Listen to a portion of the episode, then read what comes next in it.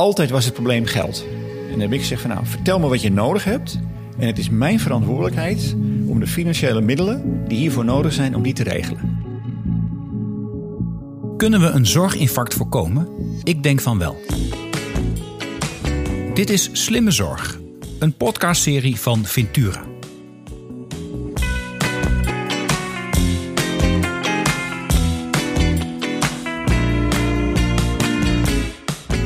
Mijn gast van vandaag is Peter Bennemeer. Peter maakte jarenlang carrière in de wereld van de zogeheten fast-moving consumer goods. Maar in 2011 maakte hij een overstap naar de zorg en werd hij bestuurder van ziekenhuis Bernhoven in Uden.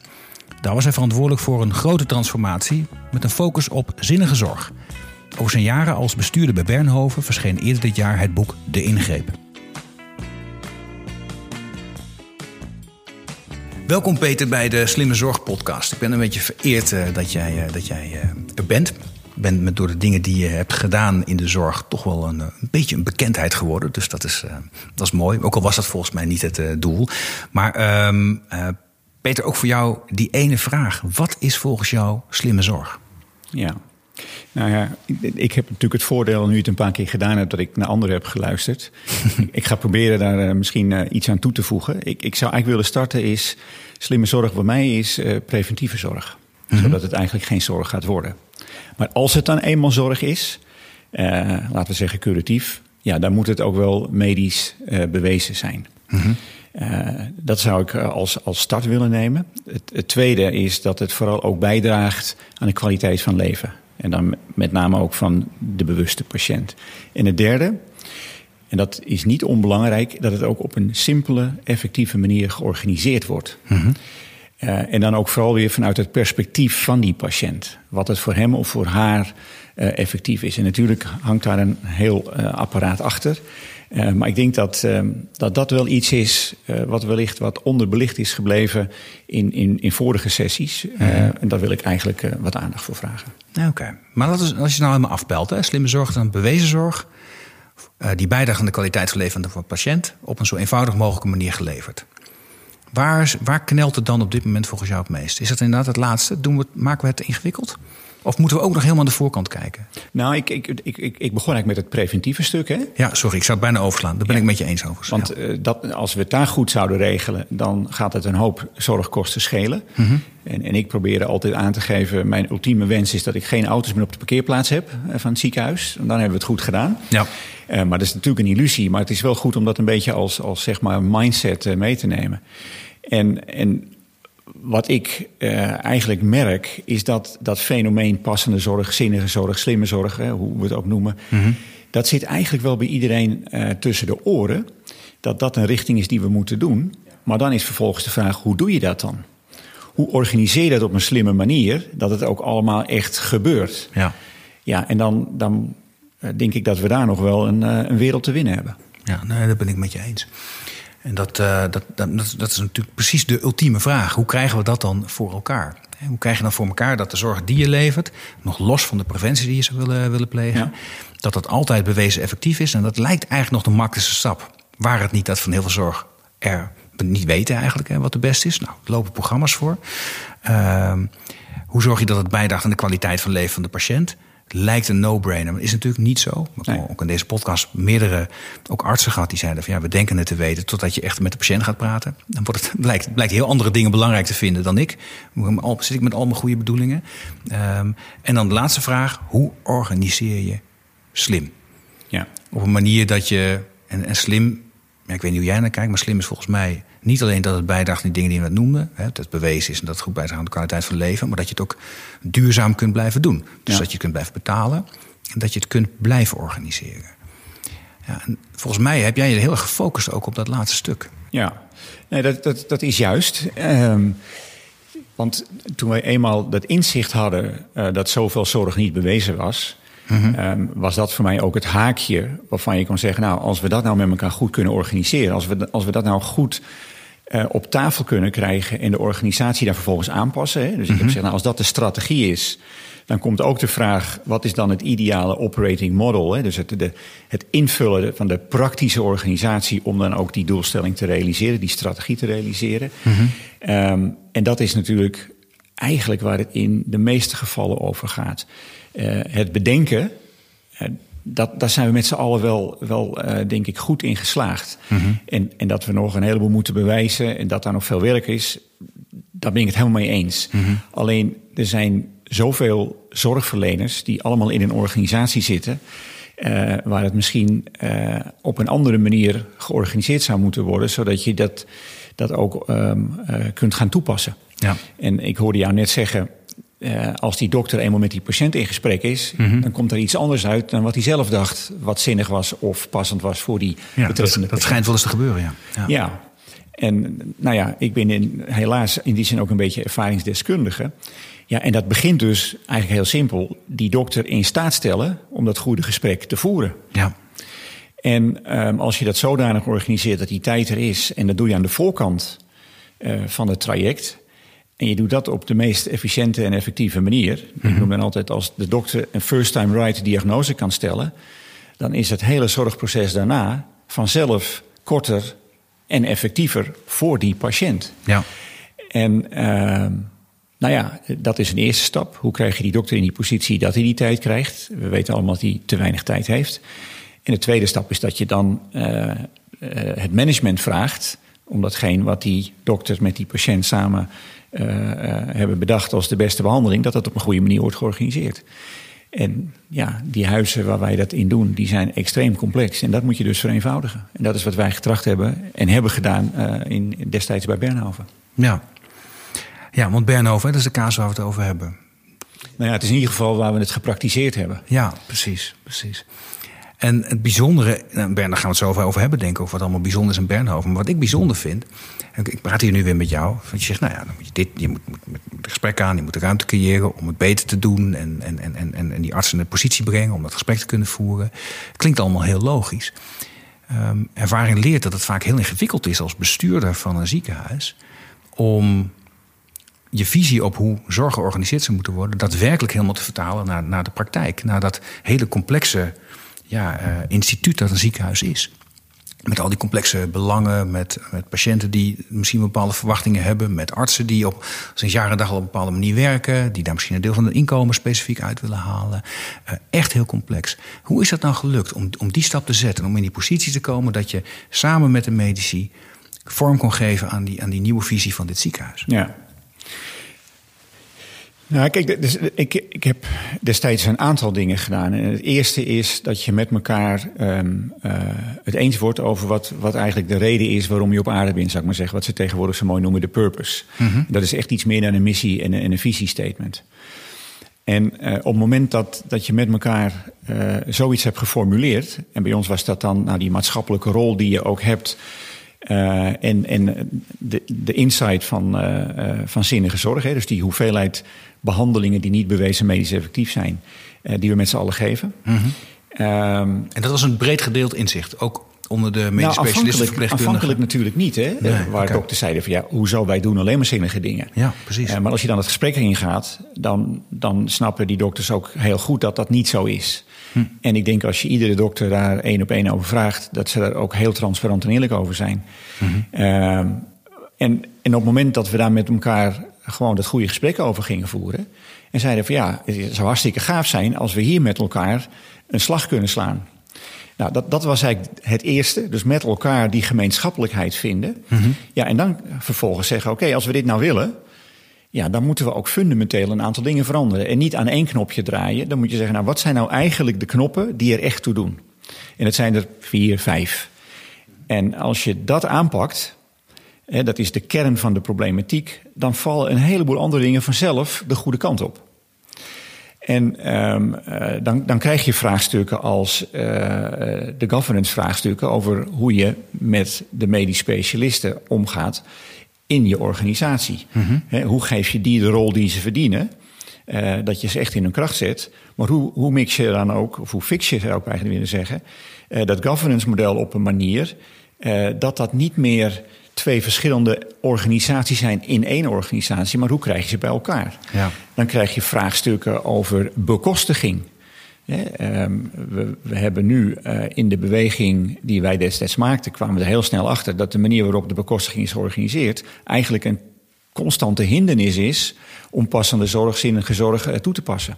Het is ook mijn overtuiging, als wij die bekostiging niet oplossen uh, nationaal, dat de beweging naar passende zorg een marginale beweging blijft. En we er niet in slagen om dat succesvol te gaan, uh, gaan volbrengen.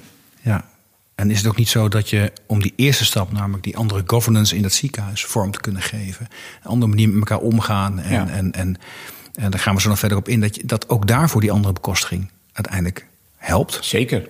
Ja, ja, ja. zeker.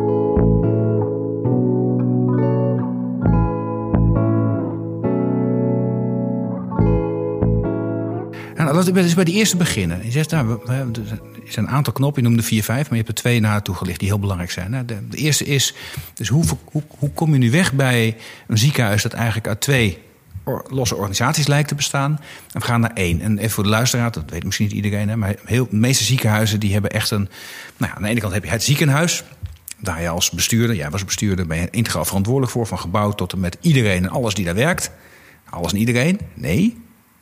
Voor een deel niet de medische specialisten. Die hebben een eigen bedrijf, het medisch specialistisch bedrijf. En zo functioneren heel veel ziekenhuizen in Nederland. Er wordt wel heel veel overleg, dus overleg, uh, er wordt heel veel afgestemd. Het is niet zo dat het helemaal los van elkaar staat, maar in de, onderaan de streep zijn er twee aparte organisaties. En jij zei nee, we moeten het anders doen. We moeten een manier zien te vinden waardoor je met elkaar zegt: dit is ons ziekenhuis of dit is onze zorg en wij gaan dit doen. Welke stap heb je daarvoor gezet? Ja, nou, ik, ik um, als eerste heb ik heel duidelijk gemaakt hoe relevant ik uh, uh, de professional vind. Mm -hmm. En ik heb uh, mij verwonderd toen ik kwam hoe weinig de, de, professionals in de lead zijn als het gaat om het definiëren van de, laten we zeggen, de medische strategie van het ziekenhuis. Um, en op het moment dat je die erkenning geeft en heel duidelijk maakt dat dat voor jou een cruciale factor is in de toekomst, dan krijg je het oor van, de, van in dit geval de medisch specialist. En later ook uh, het, uh, het verpleegkundig personeel. Maar we zijn gestart bij de medisch specialist. Nou, dat was de eerste stap. Vervolgens heb ik gezegd van ja, als die dan zo belangrijk is, dan moet je ze ook de, de ruimte geven, eigenlijk de, de invloed, misschien zelfs wel de macht, om die agenda te bepalen.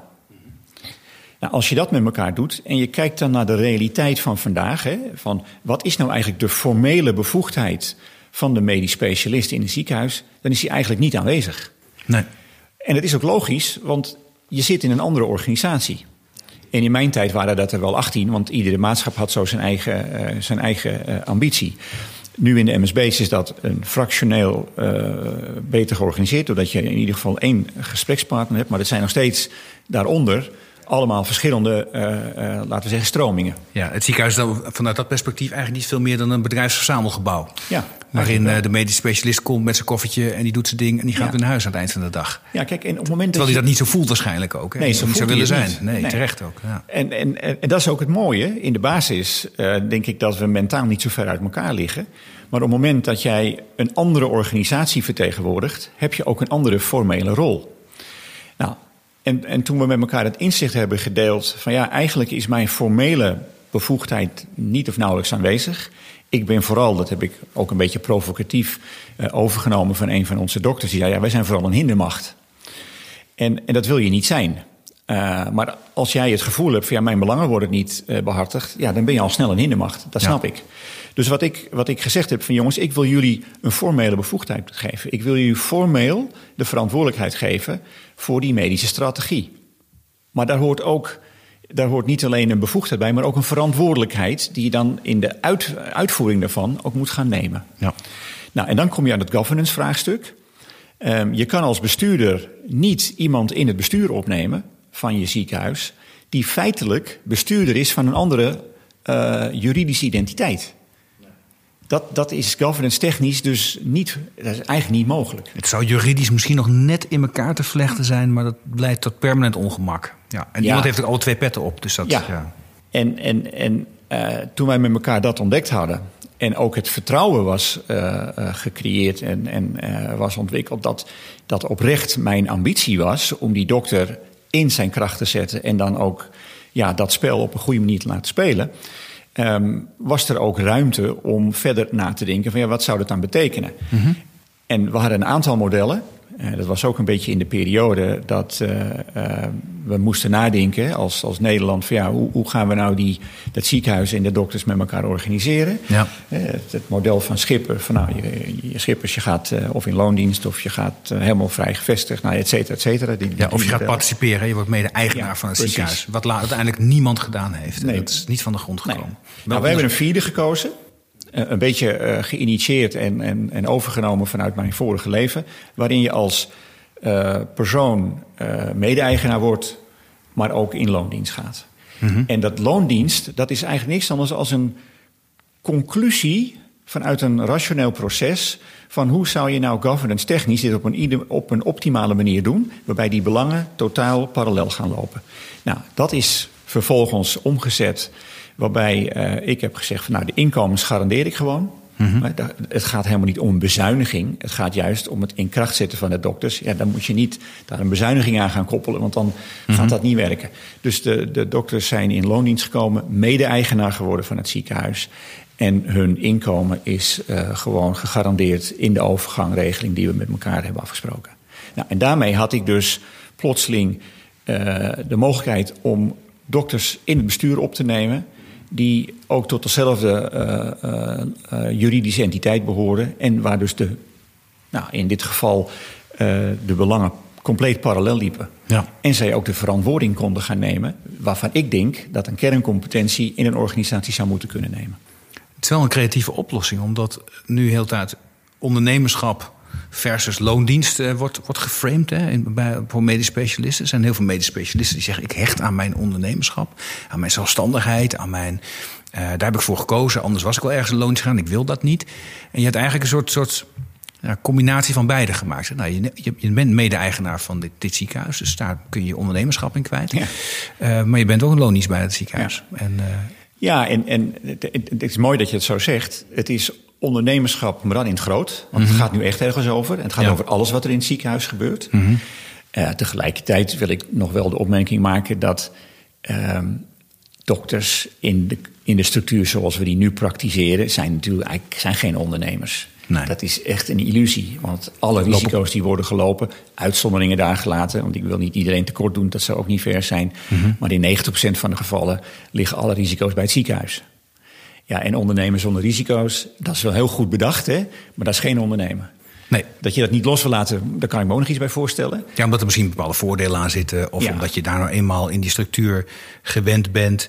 En het, het is ook een beetje je kunt van een ei wel een omelet maken, maar het is best ingewikkeld van een omelet weer een ei te maken. Dus als je helemaal heel diep in zit, is het best een puzzel, denk ik, om het weer te ontvlechten en in een andere structuur te krijgen. Maar het is jullie wel gelukt. Ja, nou ja, kijk, wij hebben gewoon heel simpelweg, eh, wat zijn nou de verantwoordelijkheden en bevoegdheden naast elkaar gelegd en laten zien dat met het construct wat we destijds bedacht hebben, mm -hmm. ja, dat, dat dat eigenlijk een optimale combinatie is. En als je dan ook nog de zekerheid geeft dat het inkomen daar niet onder leidt, mm -hmm. hè, want iedereen heeft dan ook zijn eigen zijn verplichtingen. En dat je dus ook ja, als dokter dan echt uh, de boel tussen aanhalingstekens naar je hand kan zetten. Mm -hmm. Ten gunste van die patiënt. Ja, dan heb je volgens mij alleen, alleen maar winners. Ja, ja. Ja, ik, hoor, ik heb wel eens het, het verwijt gehoord uh, richting jou. Uh, in, uh, ik, ik, spreek als mensen in de zorg die zeggen... ja, maar die, die, die Bennemeer die wil vooral alle specialisten in loondienst. Maar ik hoor je eigenlijk wat anders zeggen. Je zegt nee, jij wil eigenlijk dat specialisten invloed kunnen uitoefenen... oprecht invloed kunnen uitoefenen op de koers van het ziekenhuis. Ja. Als professional. Ja, zeker. En, dan, en dat kan alleen als ook in loondienst gaan. Ja, de, kijk, de logica hier is... en, en dat, dat heb ik ook een beetje meegenomen uit mijn vorige leven... de kerncompetentie van een organisatie moet ook de maximale ruimte hebben... Mm -hmm om zijn ideeën, zijn, zijn toekomstvisie daarin te kunnen uh, um, verwoorden en uit te voeren. Nou, dat is één. Daarmee moet je dus de professional um, in, in zijn kracht zetten. Het tweede is, uh, hoe ga je dat dan governance technisch organiseren? En het derde is, en dat is uiteindelijk niks anders dan een uitkomst, dat is dat het loondienstmodel uh, het meest praktische en het meest effectieve model daarvoor is. Nou, dat gezegd hebbende, dan zijn er wel een paar vraagstukken die, die terecht uh, naar voren komen. Dat is dan over het algemeen het inkomensvraagstuk. Nou dat moet je garanderen. Uh, dus voor mij is loondienst een uitkomst van een heel logisch proces. Wat begint bij hoe krijg ik de medisch specialist absoluut in zijn kracht. En dus ook in een positie waarin hij zijn kennis en kunde maximaal kan uh, uh, ja, organiseren ten gunste van de patiënt.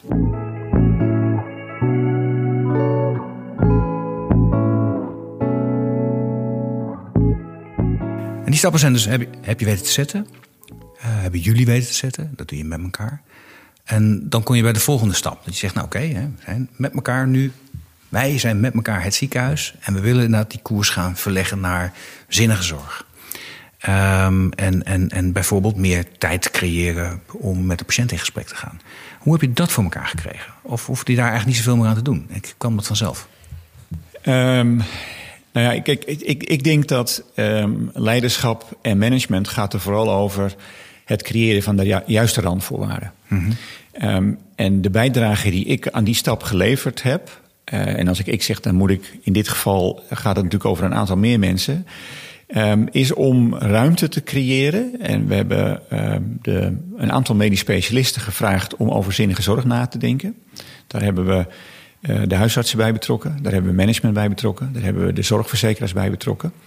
Uh, en ik heb toen gezegd van laten we nou die dokters eens in de twee weken een dag vrijmaken om hier de hele dag over na te denken. Dat is geen kleine stap. Nee, dat is geen kleine stap. Maar als je het serieus uh, wil invullen, mm -hmm. dan moet je dat ook volledig doen. Je moet niet een stukje eruit doen. Want er gebeurt zoveel in een ziekenhuis. Op het moment dat iedereen één grote prioriteit heeft en iedereen daarachter gaat staan, dan gaat zo'n zo'n organisatie gaat bewegen. Ja. Nou, dan kies je ook die mensen die ook informeel en formeel leiderschap kunnen gaan uitvoeren, gaan uitoefenen als, als medisch specialist. Die zet je bij elkaar en die laat je erover nadenken. En je zegt, jongens, het is jullie verantwoordelijkheid. Ik heb er sowieso geen verstand van als buitenstaander. Uh, ik kan alleen zorgen dat ik de juiste randvoorwaarden creëer. En dat ik de medisch specialisten, uh, met alle anderen die ik net genoemd heb, de ruimte geef om met ideeën te komen. En het waren de ideeën van de dokters. En zij waren ook eigenaar om die ideeën ten uitvoer te brengen. En ik zorg dat de organisatie zodanig wordt geregeld en georganiseerd dat dat ook gaat lukken. Ja. Dat is mijn bijdrage. Ja. En daar kwam uit van hé, hey, die sessies, hè, twee wekelijks. Wij moeten eigenlijk echt meer tijd gaan nemen om met de patiënt in gesprek te gaan.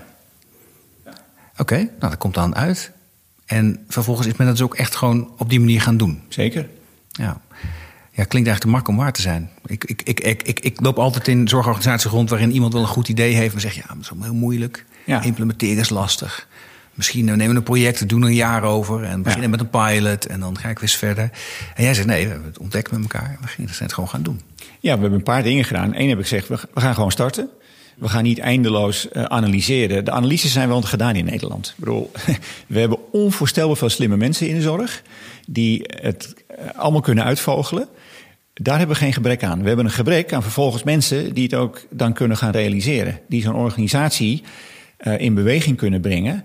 En die uiteindelijk ook gaan realiseren wat ze met elkaar bedacht hebben. En wat mm -hmm. ze aan elkaar beloofd hebben. Ja.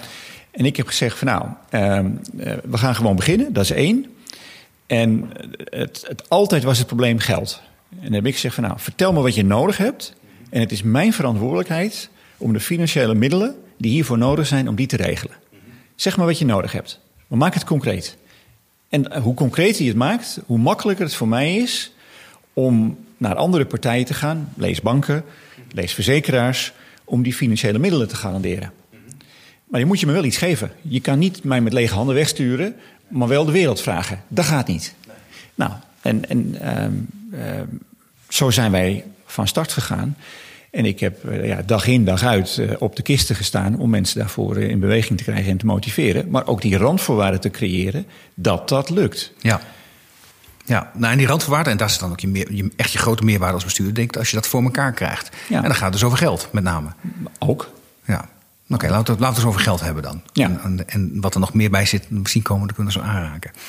En, en dan komen we ook uit bij het onderwerp bekostiging, wat je zei. Hè? Want ja. um, een arts die een langer gesprek voert en daardoor een andere interventie pleegt en waarschijnlijk minder interventies pleegt, omdat als je het hebt over kwaliteit van leven, een operatie niet altijd hetgene is wat het meeste bijdraagt aan kwaliteit van leven. Hè? Dat soort zaken hebben we het volgens mij over.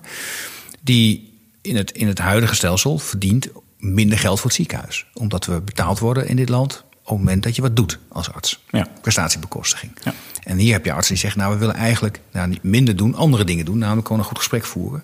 En dan zien we vervolgens wel wat eruit komt. Dus, dus dat, ja, dat is voor het ziekenhuis financieel een drama. Als je dat op die manier zou doen. En ehm, ik kan mij voorstellen dat je daarover een paar ernstige gesprekken hebt moeten voeren her en der. Om te voorkomen dat je daarbij, daardoor niet financieel kopje onderging. Ja, ja zeker.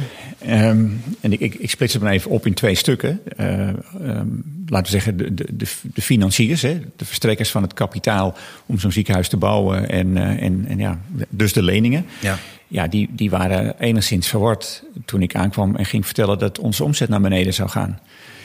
Dat is in een normaal model een beetje gek. Hè? Minder omzet is vaak minder winst. Dat Ja. hoeft niet. Hm. Ehm, Nee, dan moet je kosten ook heel zwaar kunnen verlagen. Maar het is Ja. in ziekenhuizen vaak ingewikkeld, hè? Ja, maar je kan ook je marges verhogen.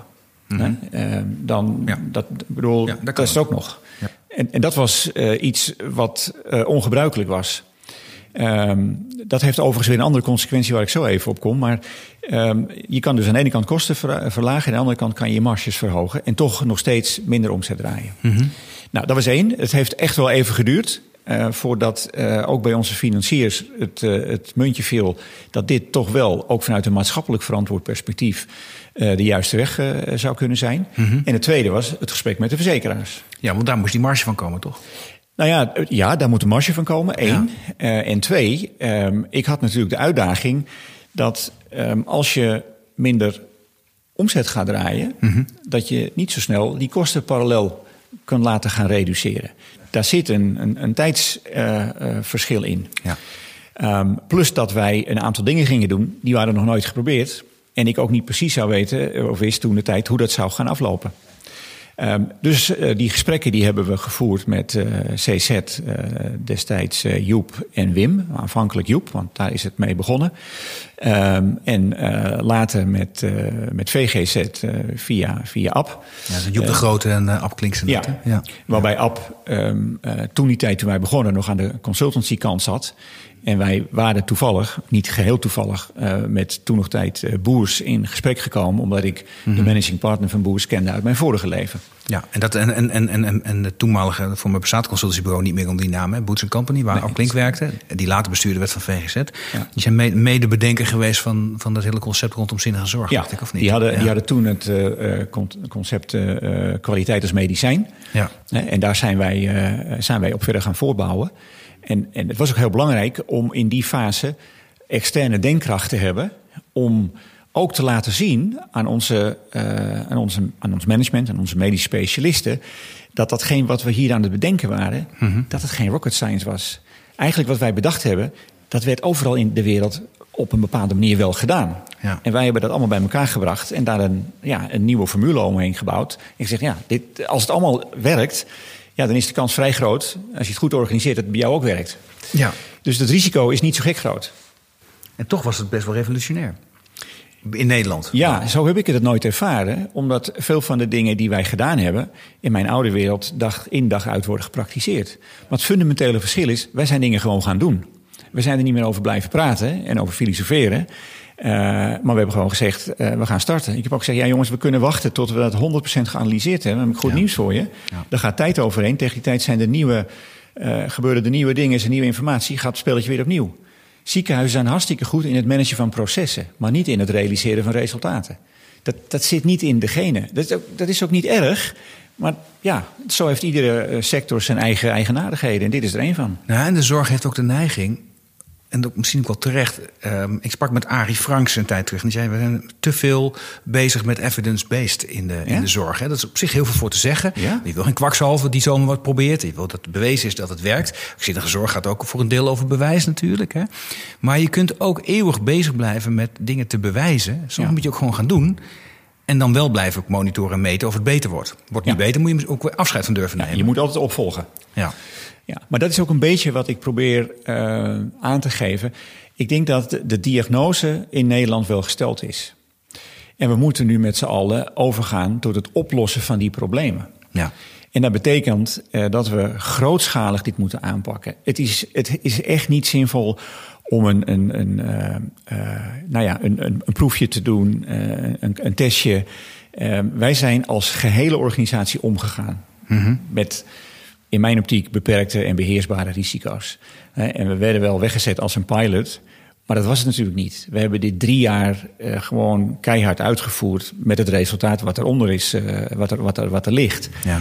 Het, het is, ja, ik zou niet weten wat je nog meer moet doen om te bewijzen dat het kan werken. Of dat het werkt.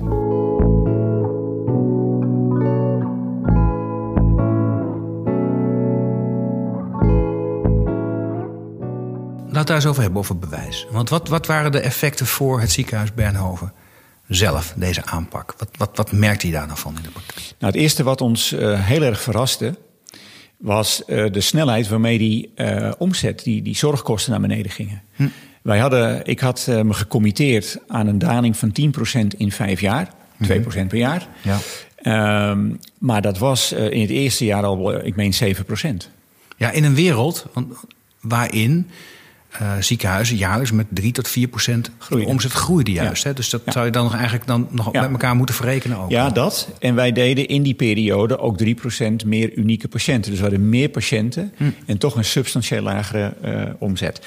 Nou, dat kwam enerzijds doordat um, uh, die initiatieven allemaal werden uh, omgezet. Mm -hmm. Maar wat het eigenlijk deed, want dat ongeveer de helft van die daling konden we daar aan toeschrijven. De andere helft konden we eigenlijk niet zo goed uh, definiëren. Nou, later bleek dat dat enerzijds ook anders registreren was. Er was veel upcoding in het verleden. En nou, dat deden we niet meer. En upcoding is gewoon iets opschrijven voor als een, een, zwaardere, beter betaalde behandeling dan wat je feitelijk deed. Ja, dat, dat was weliswaar legaal, maar er zijn van die grijze gebieden. Ja, en dan werd de ruimte maximaal gezocht. Nou, daar zijn we mee gestopt. Ik dat doen we niet meer. Uh, en het tweede is, op het moment dat je zoveel van die initiatieven door dokters in de organisatie laat neerzetten, dan ontstaat er een mindset. En die mindset was, ja, we moeten alleen nog maar zinnige dingen doen. Mm -hmm. En dan betekent eigenlijk dat in de dagdagelijkse manier van kijken naar zorg, dat een soort van automatisme begint te worden. En dan gaat het dus heel snel. Ja. En daarom kwamen we na drie jaar al uit op min 16, in plaats van na drie jaar op min 6. Zoals ik had gedacht van nou, als we dat gaan halen, dan zijn we al, een, uh, zijn we al, al heel erg goed bezig. Dat werd min 16. Dat creëert overigens een ander probleem. Mm -hmm. Dat was namelijk, oké, okay, hoe krijg ik die kosten dan zo naar beneden? Ja, precies. Ja. ja. En in alle of krijg je een marge meer omhoog ja. om dat te kunnen compenseren? Ja. Mm -hmm. nou, dat eerste, die kosten naar beneden met 16%, dat gaat niet lukken. Want je hebt nou eenmaal uh, beschikbaarheidskosten, hè? zeg maar een, een, een soort van basis. Um, ja, nee, dat, dat, dat, dat gebouw dat staat nou eenmaal. Ja. En alles wat daarvoor moet gebeuren, gas en licht, de apparatuur die je hebt, daar kun je moeilijk op bezuinigen. Ja, dan kun je pas op bezuinigen als je echt heel erg structureel bepaalde dingen echt niet meer doet. Dat je zegt, nou, dit, dit, deze elkaar die kan structureel dicht, want uh, blijkt dat we echt niet meer nodig hebben. Ja. Het zou nog kunnen, hè, maar zover... Nou, ik ga er straks een paar voorbeelden van geven, okay. want dit bracht, deze, deze noodzaak mm -hmm. bracht ook anders denken. Okay. Dus daar kom ik zo graag nog even op terug. Dat tweede is, wat jij net zei, die margeverhoging. Kijk, we hadden toen ook een periode waarin uh, een aantal ziekenhuizen hun kostprijzen gingen uh, uh, publiceren. Mm -hmm. En toen heb ik met de beide verzekeraars gebeld. Ik heb gezegd van jongens, als wij dit gaan doen, dan zijn wij een vrij duur ziekenhuis op basis van individuele behandelingen. Want ja. ik moet namelijk hogere prijzen gaan vragen om mijn marge te verbeteren. Ja. Maar de kosten van uh, zorg is volume maar prijs. Ja. En als je iets niet doet, ja, dan kan je makkelijk je prijs verhogen. Maar iets niet doen is altijd een betere besparing dan ja. iets voor een beetje duurdere prijs doen. Dus dat stukje marge, en dat heb ik toen ook uh, met beide verzekeraars uh, afgesproken. Wij kunnen die marge wat verhogen, mm -hmm. zodat we wat meer overhouden. Maar we zijn nog steeds substantieel goedkoper, omdat wij veel minder doen. Al die onzinnige zorg doen we ja. niet meer. Ja. Dus dat, dat was wel even een spannend momentje. Zeker. Uh, maar daar was iedereen vrij snel uit. Dat is verstandig, dat mag je dan ook doen. Ja, overigens over die over publiceren van die prijzen van, van ziekenhuizen. Dat, dat doet vermoeden dat de ziekenhuis een heldere catalogus heeft wat, ja, wat dingen kosten.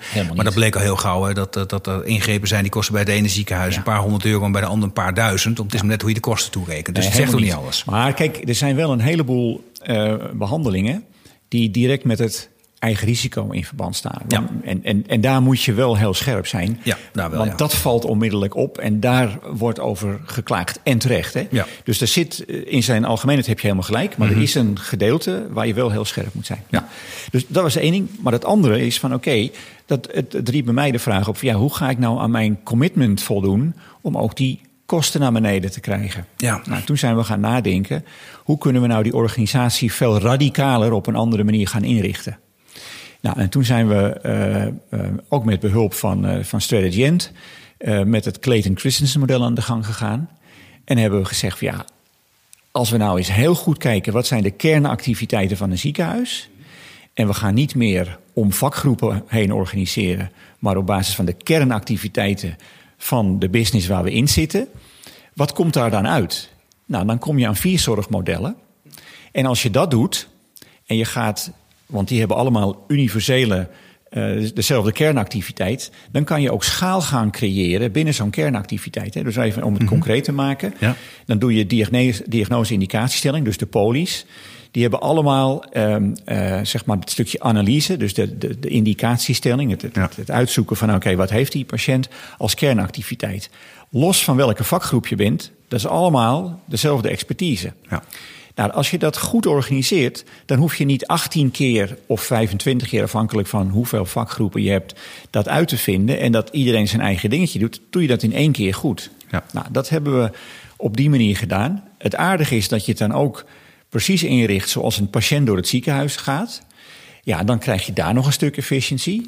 En dan ga je dus plotseling nieuwe uh, bronnen aanboren, waardoor je je kosten fundamenteel kan verlagen, die niet onmiddellijk ten laste gaan van de handen aan het bed, maar echt aan de back-office. Oké, okay, heb jij een voorbeeld van? Um, van die, die, die, die, die nieuwe bronnen die, je, die je aan kunt boren, waardoor je je ja, kosten kunt nou verlagen. Ja, door te zeggen van we gaan nu diagnose-indicatiestelling als één uh, zorgcluster uh, neerzetten. We gaan een zorgcluster neerzetten, die heet dan uh, het, zeg maar de zorgstraten. De mm -hmm. OK's, daar waar de behandelingen plaatsvinden, ja. als er een behandeling moet plaatsvinden. We gaan de chronische zorg bij elkaar brengen, dus alle chronische zorg. Want dat is een hele andere manier. Het is begeleiden. Hè? Ja, dat is totaal niet, anders. Ja. ja. dat is op een hele andere manier. En dat hoeft ook niet in het ziekenhuis. Dat is de derde. En dan heb je de vierde, dat is dan de acute as. Hè? Mm -hmm. Even de SCH onder andere. Ja. En, en daar heb je een andere uitdaging. Is, daar heb je een minimale bezetting nodig. En die minimale bezetting, daar kregen we toen heel goed inzicht in... door al die bewegingen die we aan het doen waren. Die minimale bezetting bepaalt eigenlijk ook... wat je minimale kostenbasis is. Ja. En doordat we die transparantie kregen... werd het voor ons ook heel erg uh, uh, makkelijk om die kostenblokken goed te definiëren. En vervolgens te zeggen, nou, als we nou nu, nu die vier kostenblokken hebben... en we gaan langs die individuele kostenblokken dat optimaal maken... dan gaan we dus veel meer uh, geld besparen dan we ooit dachten... omdat we het anders 18 keer 19 keer via de zorg, via de, de, de uh, vakgroepen, vakgroepen, moesten doen. Ja. En die vakgroepen hebben we nu horizontaal over die vier zorgclusters heen gelegd. Mhm. Mm -hmm. Waarbij ieder zorgcluster een medisch specialist als baas had. Mm -hmm. Dus ook hier elke keer de garantie. Uiteindelijk is er een medisch specialist die bepaalt of dit verantwoord is vanuit het perspectief van wat is goed vanuit een medisch perspectief voor die patiënt. Ja. Nou, en, en daar uh, zijn we heel goed in geslaagd om een extra slag te slaan om die kosten uh, onder controle te houden. Dus je omzet is verlaagd omdat je gewoon vanuit de filosofie die jullie hadden minder bent gaan doen. Ja. Wel meer patiënten bent gaan behandelen, maar minder interventies hebt gepleegd. Ja. Ja. En vervolgens heb je gekeken van, nou maar oké, okay, kunnen we ook in zijn algemeen de kosten verlagen? Dat heeft niet met de zinnigheid van de zorg te maken, maar dat is echt kijken naar je organisatie. Hoe kunnen we dit nou slim en anders doen? Slim, mooi Mhm. hè? Past ook een beetje bij uh, de eerste vraag. Uh, en ook daarmee de complexiteit eruit halen. Mhm. En vervolgens hebben we gezegd, nou ja, als we hier zijn voor die patiënt... Uh, iets wat, wat een uitdaging is. Hè, we moeten ons realiseren dat die hele organisatie daar bestaat... omdat er een patiënt is. Ja. Het is niet zo dat die patiënt uh, naar de dokter komt. Hè? Ja, dat komt hij wel, maar Ja. omdat hij iets heeft. Nee, ik kom niet voor de gezelligheid. Nee. nee, nee. Nou, als, als dat um, um, onze uitdaging is, dan moeten we dus voor zorgen dat die hele organisatie op een zo simpel mogelijke manier wordt, wordt uh, georganiseerd, zodat we zo min mogelijk interventies hoeven te doen als organisatie om die zorg te kunnen leveren. En die complexiteiten, die overlegstructuren, de lagen, et cetera, allemaal eruit, zodat het een transparante en overzichtelijke uh, activiteit wordt. Maar beginnende bij die patiënt, uh, moet je dus ook zeggen: oké, hoeveel zorg zouden we nou in een jaar nodig hebben? En dan is het waanzinnig interessant om de historische getallen die we met z'n allen hebben, Ja. naar voren te prognosticeren. En dan zal je zien dat je heel zuiver en heel accuraat je bezetting van tevoren al kan gaan inzetten. eh, bij de historische manieren van... oké, welke zorg hebben we geleverd? Hm. Dus zo'n SCH, Ja. het is verrassend hoe, hoe eh, constant de bezetting is van zo'n SCH... hoeveel type patiënten er komen, wanneer die komen. Mhm. Dus je kan heel goed kan je daarop plannen. Het gaat wel betekenen dat die planning ook de bezetting van eh, de professionals gaat drijven. Mhm. En dat die dus veel meer eh, aan de wens en aan wanneer die patiënt komt worden gekoppeld dan andersom. Ja. De dokter heeft op dat moment zijn zittingsperiodes Ja. en dan moet die patiënt daar maar eh, aangepast gaan worden. Dat hebben we omgedraaid. Ja, maar dat is dat best wel een radicale, radicale stap. Hoewel aan de andere kant, zeker in de spoedeisende keten... je kunt natuurlijk je planning wel houden op basis van wat de dokter goed uitkomt. Maar als structureel de patiënt zich daar niet aan houdt, die komt toch door binnen... Ja. dan ben je continu aan het herplannen en aan het, or- en aan het rennen en aan het vliegen. Dan kun je Ja. maar beter van tevoren goed Ja, regelen. maar dan moet je overcapaciteit plannen. Want anders kan je, kan je Ja, niet flexibel acteren. Nee, precies. Ja, precies. En daar zit dus je besparing. Door de, accuraat te plannen, hoef je die overcapaciteit niet te plannen. Ja, en de grootste besparing komt natuurlijk omdat je de beste mensen Mhm. de meeste tijd aan het begin van de keten zet. Dus op de poli Mhm. heb, je de, heb je de dokters nodig die die analyse goed kunnen maken en in één keer de goede diagnose stellen. Op de SCH, eh daar moet je zorgen dat je ook niet alleen je, je SCH-arts hebt, maar dat je ook je, je medisch specialist hebt met veel ervaring, die goed die diagnose vanaf het begin kunnen stellen. Zodat je eh, geen onnodige eh, diagnose, of, diagnostiek hoeft in, in te zetten. En dat je ook veel sneller die patiënt op de goede plek krijgt. Maar ook dat is dus best een forse verandering die is doorgevoerd. Niet alleen maar dat betere gesprek en kijken wat vinden we zinnig, maar ook wanneer. Wanneer schuif je nou eigenlijk die, die, die, die, die, die medisch specialist naar voren? Ja. In, de, in de zorg is een hele grote tendens. En voor een deel ook heel goed verklaarbaar. Kijk naar chronische zorg. Met stepped care. Dat je probeert juist die specialisten ver, zo ver mogelijk naar achter te duwen. Daar waar het niet hoeft. En dat kun je met eh, physician assistants, eh, met goede verpleegkundigen. Kun je van alles doen voordat je een keer een medisch specialist eh, nodig hebt. Maar jij zegt, nou, er zijn nog heel veel andere plekken waarin je juist doordat je tijdig, heel vroeg in de keten, de specialist jou ziet als patiënt, dat je verderop in die keten veel beter de, de zorg kunt organiseren. Ja, ik noem nu specialist, maar een physician assistant die eh, zeg maar ja, zeer goed daarin geschoold is, die het ook kan. Ja, dat kan ook een topper zijn die Ja. je vooraan zet. Ja, de juiste persoon op de juiste plek. Ja. En, en, en ehm, ehm, ik denk dat hier ook weer ehm, eh, wordt onderstreept: het is niet één dingetje wat je kan veranderen. Kijk, het is een organisme en als je zoiets aanpakt, dan moet je hem helemaal doordenken. En dan moet je hem afpellen. En daarom kwamen wij tot die kernactiviteiten. Waar gaat het nou om? En als je dat goed organiseert, ja, ik zei het al eerder, dan valt de rest vanzelf de goede kant op. En dat, die effecten die daarbij komen, geven dus heel veel rust in zo'n organisatie. Heb je minder mensen nodig, eh, ben je efficiënter, krijg je een hogere productiviteit, je wordt goedkoper, je levert een betere kwaliteit. Eigenlijk is het een oplossing voor heel veel van de vraagstukken waar we binnen de zorg mee te maken hebben.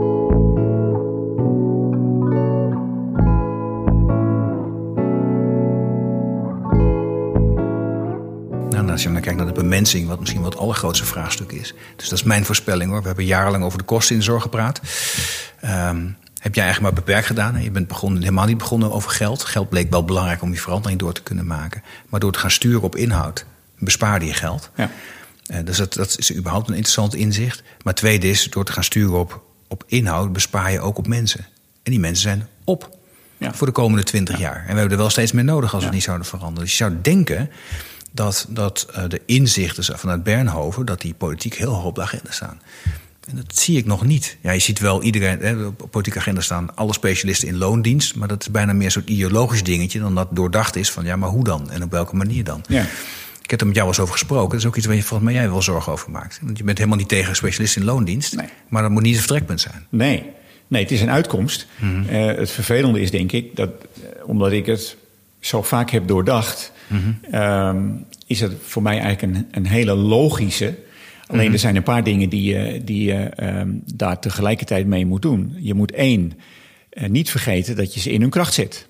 Want anders heb je er niks aan. Dat is namelijk de reden waarom überhaupt dit ter discussie is gekomen. Dus dat is één. Eh, twee, je lost daarmee alle eh, governance vraagstukken op. Het derde is, en dat is het inkomensvraagstuk. ik ben helemaal geen voorstander van loondien- of dokters in loondienst, omdat dat een besparing is en dat ze dan onder de WNT moeten vallen. Is volstrekt niet aan de orde. Heb ik ook nooit nagestreefd, heb ik ook nooit gedaan in het eigen ziekenhuis. En ik zou het ook niet willen adviseren. Um, de, de tijd lost dat vanzelf wel op. Um, je moet vooral zorgen dat die dokters um, ruimte hebben om die dingen te doen waar ze goed in zijn. En als ik, uh, dat is ook een beetje naar aanleiding van het boek, als ik zie hoeveel mensen mij benaderd hebben um, en zorg uitspreken over dat we hier maar geen, heel veel dokters, hè, mm -hmm. uh, dat we hier maar geen, geen meters maken op dat dossier. Uh, en ik, ik durf de inschatting te maken dat twee derde van de medisch specialisten morgen in loondienst zou willen, als de juiste randvoorwaarden er zijn, omdat ze daarmee um, af zijn van vele vervelende vraagstukken die over productie gaan. Dat ze af zijn uh, van um, de, de problematiek die, die we nu ook tegenkomen. Van ja, hoe zorg je dat je ook mee kunt bewegen met je levensfase? Hoe kan je wat minder werken? Hoe kan je wat meer werken? Dat we uh, problemen kunnen adresseren als van de leegloop van dokters. Die, nou, iedere dokter voordat hij klaar is met zijn specialisme uh, heeft de maatschappij een miljoen gekost. Ja, als die dan niet in de zorg komt, dan is dat complete waardevernietiging. Um, er is heel veel uh, dokters die overspannen raken.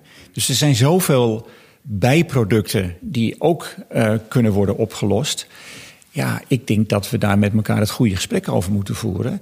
En er vooral voor moeten zorgen dat de mensen die daar nog bedenkingen over hebben, dat we die ook helpen die zorgen weg te nemen. Of anders, als zij goede uh, argumenten hebben waardoor je hier dit niet zou moeten doen, of we ze daarmee kunnen helpen om die op te lossen. Ja, nou, ik denk dat het laatste heel belangrijk is. En de afgelopen kabinetsperiode heb ik zelf nog mogen meeschrijven aan het regeerakkoord. In dat regeerakkoord staat nog hè, dat, dat er een stimuleringsregeling zou komen voor artsen om in loondienst te gaan, ja. maar dat het ondernemende model wel zou kunnen blijven bestaan. En ik ben daar mede zelf voor verantwoordelijk geweest dat dat er stond, omdat ik mij wel, en dat maak ik nog steeds zorgen over, zorgen maak over uh, een tendens dat je zegt, nou, we nemen politiek het besluit. Al die ondernemende artsen moeten allemaal in loondienst. En die ondernemende artsen denken, ja, maar er wordt me wat afgepakt. Ik heb mijn onderneming, ik heb het zelf opgezet, mijn ja. eigen medisch specialistenbedrijf. Zien wellicht helemaal niet terug in eerste instantie dat ze meer zeggenschap krijgen of wat dan ook. Uh, en gooi de kont tegen de krip. En als de kont tegen de krip wordt gegooid in, onder medisch specialisten, ja, dan dreigt wel dat, dat we grote wachtlijsten krijgen, juridische gevechten, meer van dat al. Ja. Dat moet je niet willen. Je moet nee. uiteindelijk toe naar, naar, naar, een overgang of naar een inrichting waarin alle partijen zeggen: ja, maar hier worden wij beter van. Ja. En het wel een traject eigenlijk zoals je dat in Bernhoven hebt ingesteld. Zeker. Ja. ja. Nee, helemaal eens. Um, dat is natuurlijk de ideale wereld. Mm -hmm. um, ja, soms moet je een beetje duwen, dat snap ik allemaal. Ja, kijk, en op een gegeven moment moet je ook met elkaar, als je het gesprek gevoerd hebt en je hebt alles op tafel gehad, mm -hmm. ja, dan kan het ook wel eens zijn uh, dat je vanuit uh, uh, maatschappelijke verantwoordelijkheid die, een, die een overheid heeft, dat je zegt, ja, ik heb nu iedereen gehoord, maar als ik kijk naar wat mijn rol is, dan gaan we het toch zo doen. En um, je moet er wel voor zorgen en ik ben er echt van overtuigd als je dat goede gesprek voert. Mm -hmm. En die dokter, die medisch specialisten, die professionals, die komen in hun kracht. Die krijgen de ruimte wat ze eigenlijk altijd willen. Want wat ze proberen mm -hmm. af te dwingen ja. in hun organisatie, ja. is dat ze de juiste dingen kunnen doen. Ja, professional nou, kunnen zijn. Ja, ja, op het moment dat je dat faciliteert, dan kan dat geen probleem zijn. Nee. Nou, dan hou je een tweede vraagstuk over. Van, ja, wat betekent het dan voor mijn uh, uh, pensioen, lees, goodwill, of wat betekent dat voor mijn inkomen? dat is op te lossen. Ja, dat is op te lossen. Ja, dat is op te lossen. En, en, en, en dat is bij Bernhoven ook. Uh, kijk, destijds is die 100.000 euro subsidie die door Schippers beschikbaar is gesteld, die is geïnvesteerd. Mm -hmm. Nou, goodwill is, dat heb ik nodig op het moment dat ik met pensioen ga. Ja. Nou, als je 100.000 euro op een goede manier 20, 25 jaar voordat je met pensioen gaat, gaat investeren. Heb je ook een pensioen. Dan heb je ja. meer dan, een, dan 2,5 ton als het een beetje mee zit. Ja. Dus ook dat is geen probleem. Ja. Nou, dan hou je nog het, het, het, het basisinkomen over, of het, het, actuele inkomen. Ja, dat moet, dan moet je gewoon zeggen, jongens, dat nemen we over. Ja. Nou, dat is helder. Ja, volgens mij is het niet zo ingewikkeld. Ja. Oké. Okay. Ja, ik, ja, nee, maar je, je zegt ik wel, probeer het eenvoudig te maken. Nee, maar dan heb je gelijk. Maar er zitten wel stappen in van hoe je dan van A ja. naar Z komt. Ja. En dat hoort er wel bij. Het, Zeker. En dat is niet het, het onteigenen en je gaat nee. in loondienst en we bepalen wat je salaris is. Dat is een heel ander verhaal. Ja. Interessant. Nog even terug naar Bernhoven, want we moeten ook bijna een afronding toe. Een heel bijzonder en, ik durf wel te zeggen, succesvol verhaal. Hoewel er ook wel kritiek is. En er zijn, uh, er zijn toch wel partijen die zeggen: ja, allemaal leuk en aardig. Maar de omringende ziekenhuis van Bernhoven... die hebben vervolgens een klap extra werk te verduren gekregen... omdat ze dat daar uh, in, uh, bij, bij Bernhoven niet meer wilden doen. Ja. Hoe kijk je daarnaar? Ja. Is dat waar? Het is niet waar. Uh, het is ook gemeten. Het is ook bewezen. Uh, uh, er is uh, nog niet zo lang geleden, in april dit jaar geloof ik, of misschien is het alweer volgend jaar, ik weet het niet eens meer. Vorig jaar was het zelfs, niet volgend jaar, vorig jaar, is dat rapport van het, wat is het CPB gekomen. Ja, oh ja, die hebben dat gemeten. Die hebben dat gemeten. We hebben dat zelf ook altijd gemeten. Ehm, ik zeg het is niet waar. In sommige gevallen is het wel waar. Er zijn een, een drietal vakgroepen waar het zeker het geval is geweest. Um, en die zijn ook um, destijds uh, ook heel helder besproken uh, met onze verzekeraars. Omdat we daar een paar uitdagingen hadden, waardoor we het simpelweg niet geregeld konden krijgen. Dus daar is het ten dele waar. Ja. Um, maar uh, het is niet zo dat er een waterbedeffect is. Dat is aan alle kanten is dat ook wetenschappelijk onderbouwd. Nee, dus de dingen die je niet georganiseerd kon krijgen, had je ook niet georganiseerd gekregen in de oude setting waarschijnlijk. Um, nou, dat, waren, dat waren eigenlijk uh, simpelweg personeelsproblemen. Ja. Uh, waardoor we onderbezet waren. Uh, ja. Waardoor bepaalde dingen, ja, de kwaliteit onvoldoende was. Ja, dan moet je dat ook niet zelf willen doen. Want nee, dan doe je de patiënt geen. maar die had niks te maken met de filosofie van het ziekenhuis en de manier waarop je dat had ingericht. Correct. Nee, precies. Nee, want het is wel, wel ook, ook, ook uiteindelijk wel heel erg belangrijk dat dat verhaal rond. Dat, dat, dat, dat, dat soort verhalen ook stoppen. Hè? Dat je zegt, joh, want, want ja. het is weer een reden om niet te veranderen. Ja, kijk, ik krijg vaak de vraag van waarom doen anderen dit niet? Ja. Dit is toch zo dwingend logisch? En dan zeg ik ja, dat is een goede vraag. Waarom stel je me mij? Ik heb het namelijk wel gedaan. Ja, nou, laat dan toch die vraag dan maar even behandelen. Want dus een van de, van de, van de kritieken die je hoort inderdaad van ja, het was waterbedeffect, weggeduwd naar anderen. zeg je het is niet waar. Het Centraal Planbureau heeft het ook in kaart gebracht. En er zijn, er zijn, zijn toch wel veel uh, ziekenhuisbestuurders die ik spreek die zeggen ja, maar het kan wel, het kan wel in zo'n klein ziekenhuisje. Dat kan niet in een groot ziekenhuis. Want dat is zoveel complexer en zoveel moeilijker en anders. En bij mij kan dat dus niet. Hoe kijk je daarnaar? Ja, ik, ik denk dat dat uh, niet waar is. Ik zeg niet dat het makkelijker wordt. Maar de essentie is. Um, ik, ik, ga daar twee antwoorden op geven. Eerst heeft deze. De essentie is dat alles wat ik heb gedaan. is universeel van aard. Dat heeft, daar heeft absoluut de grootte niets mee te maken. Um, en um, we hebben over één ding niet gesproken, dat is cultuur. Dat is wel een belangrijk dingetje. Maar hier is niks. En, en datgene wat wij hebben toegepast, dat wordt in ondernemingen. Ik, heb, ik ben zelf verantwoordelijk een onderneming van een paar miljard. Kan je echt zeggen, dat is ook tamelijk complex. Um, maar complexiteit is iets wat je zelf creëert. Er is een basiscomplexiteit, maar wij zijn een meester in de zorg om het alleen maar complexer te maken, omdat we bouwen op wat we bedacht hebben. Het is niet zo dat we dingen even afbreken mm -hmm. en dan opnieuw op gaan zetten. Nee, wij gaan eigenlijk opbouwen op iets wat in zijn algemeenheid niet heel erg goed functioneert. En wij denken dat geld de oplossing is van alles. Dus dat is één. Tweede is, als het zo is dat het in andere ziekenhuizen niet kan, omdat die zoveel groter en complexer zijn, dan moet je de afvragen, dan moet je de vraag stellen of we zijn daarmee. niet te groot. Of we, ja, precies. Of we daarmee niet een ander probleem hebben gecreëerd. Ja. Dus ik zou het als bestuurder niet te hard roepen, want dat is namelijk een buffet van onvermogen. Als je zegt, ja, maar ik ben zo complex dat ik het niet kan veranderen dan hebben we echt werk aan de winkel. Het is een interessant perspectief. Jeuk je handen nog dat je denkt, nou doe mij maar. Ik zou misschien wel eens een keer willen instappen in zo'n groot ziekenhuis om het nog een keer te proberen. Nee. Of is dit nu, zeg nou, dit is het afgerond hoofdstuk, ja, tijd ik, voor andere dingen? Ik, ik, ik heb het laten zien. Nogmaals, als ik het over ik heb, hebben we dat met vele mensen gedaan. Wij hebben laten zien dat dit, dat dit kan. Mm -hmm. dat hoeven we niet nog een keer te bewijzen. Ik ben ervan overtuigd dat dat overal zou kunnen. Maar soms duurt het wat langer. Of nou ja, daar hebben we net een mhm. antwoord op gegeven. Wat ik wel heb geconstateerd is dat er een aantal systeemfouten zitten die we moeten oplossen. Ja. Omdat anders het opschalen van passende zorg uh, uiteindelijk niet het succes gaat worden wat we allemaal wensen dat het wordt. Ja, bijvoorbeeld die prestatiebekostiging die we hebben. Die prestatiebekostiging. Ik ja. denk ook uh, dat uh, als we de dokters niet in hun kracht krijgen, dus als we die governance niet echt gewoon um, gaan, gaan, gaan fixen. Mm -hmm. Dat dat ook een belangrijke factor is waar het niet gaat lukken. Mm -hmm. Je mhm. kan in een, in een organisatie kan je niet twee aparte organisaties hebben die hun eigen, hun eigen route varen. En dan kan je nog zeggen, ja, maar we, we hebben het allemaal goed geregeld met elkaar. Mm -hmm. Dat zou zo kunnen, hè? maar dan is het omdat mensen elkaar kunnen vinden. Mhm. Maar vanuit de structuren, en die overleven mensen, werkt het niet. Mhm. En er zijn zoveel huizen waar het echt niet functioneert. Mm -hmm. Ja, dan moeten we gewoon een keer de waarheid onder ogen zien en dat fixen. Onze maatschappelijke verantwoordelijkheid is te groot om dit voor ons uit te duwen. Mm -hmm. En meer geld is niet de oplossing. Nee. Als meer geld de oplossing zou zijn, hadden we namelijk het probleem nu niet meer gehad. Nee, want er gaat elk jaar heel veel meer geld naar de zorg. Ja. Dus het, het is echt het is tijd voor ons allen om vanuit schaarste eh, de juiste keuzes te maken. ja. Zullen we het daarbij laten? Lijkt mij een mooie oproep. Het was mij een genoegen. Dat scheelt wederzijds. Dankjewel. Dit was Slimme Zorg, de podcast waarin nagedacht wordt over oplossingen waarmee een zorginfarct voorkomen kan worden. Een podcastserie van Ventura. Abonneer je op deze show via iTunes of Spotify en voel je vrij om een review achter te laten. Ik vind het zelf enorm leuk om te lezen wat jullie van de podcast vinden. Je mag me ook mailen op podcast.ventura.com. Vond je de podcast leuk? Dan heb ik een opdracht voor je. Vertel over de podcast aan een van je vrienden of collega's. Mijn naam is Arno Rutte. Dit was Slimme Zorg.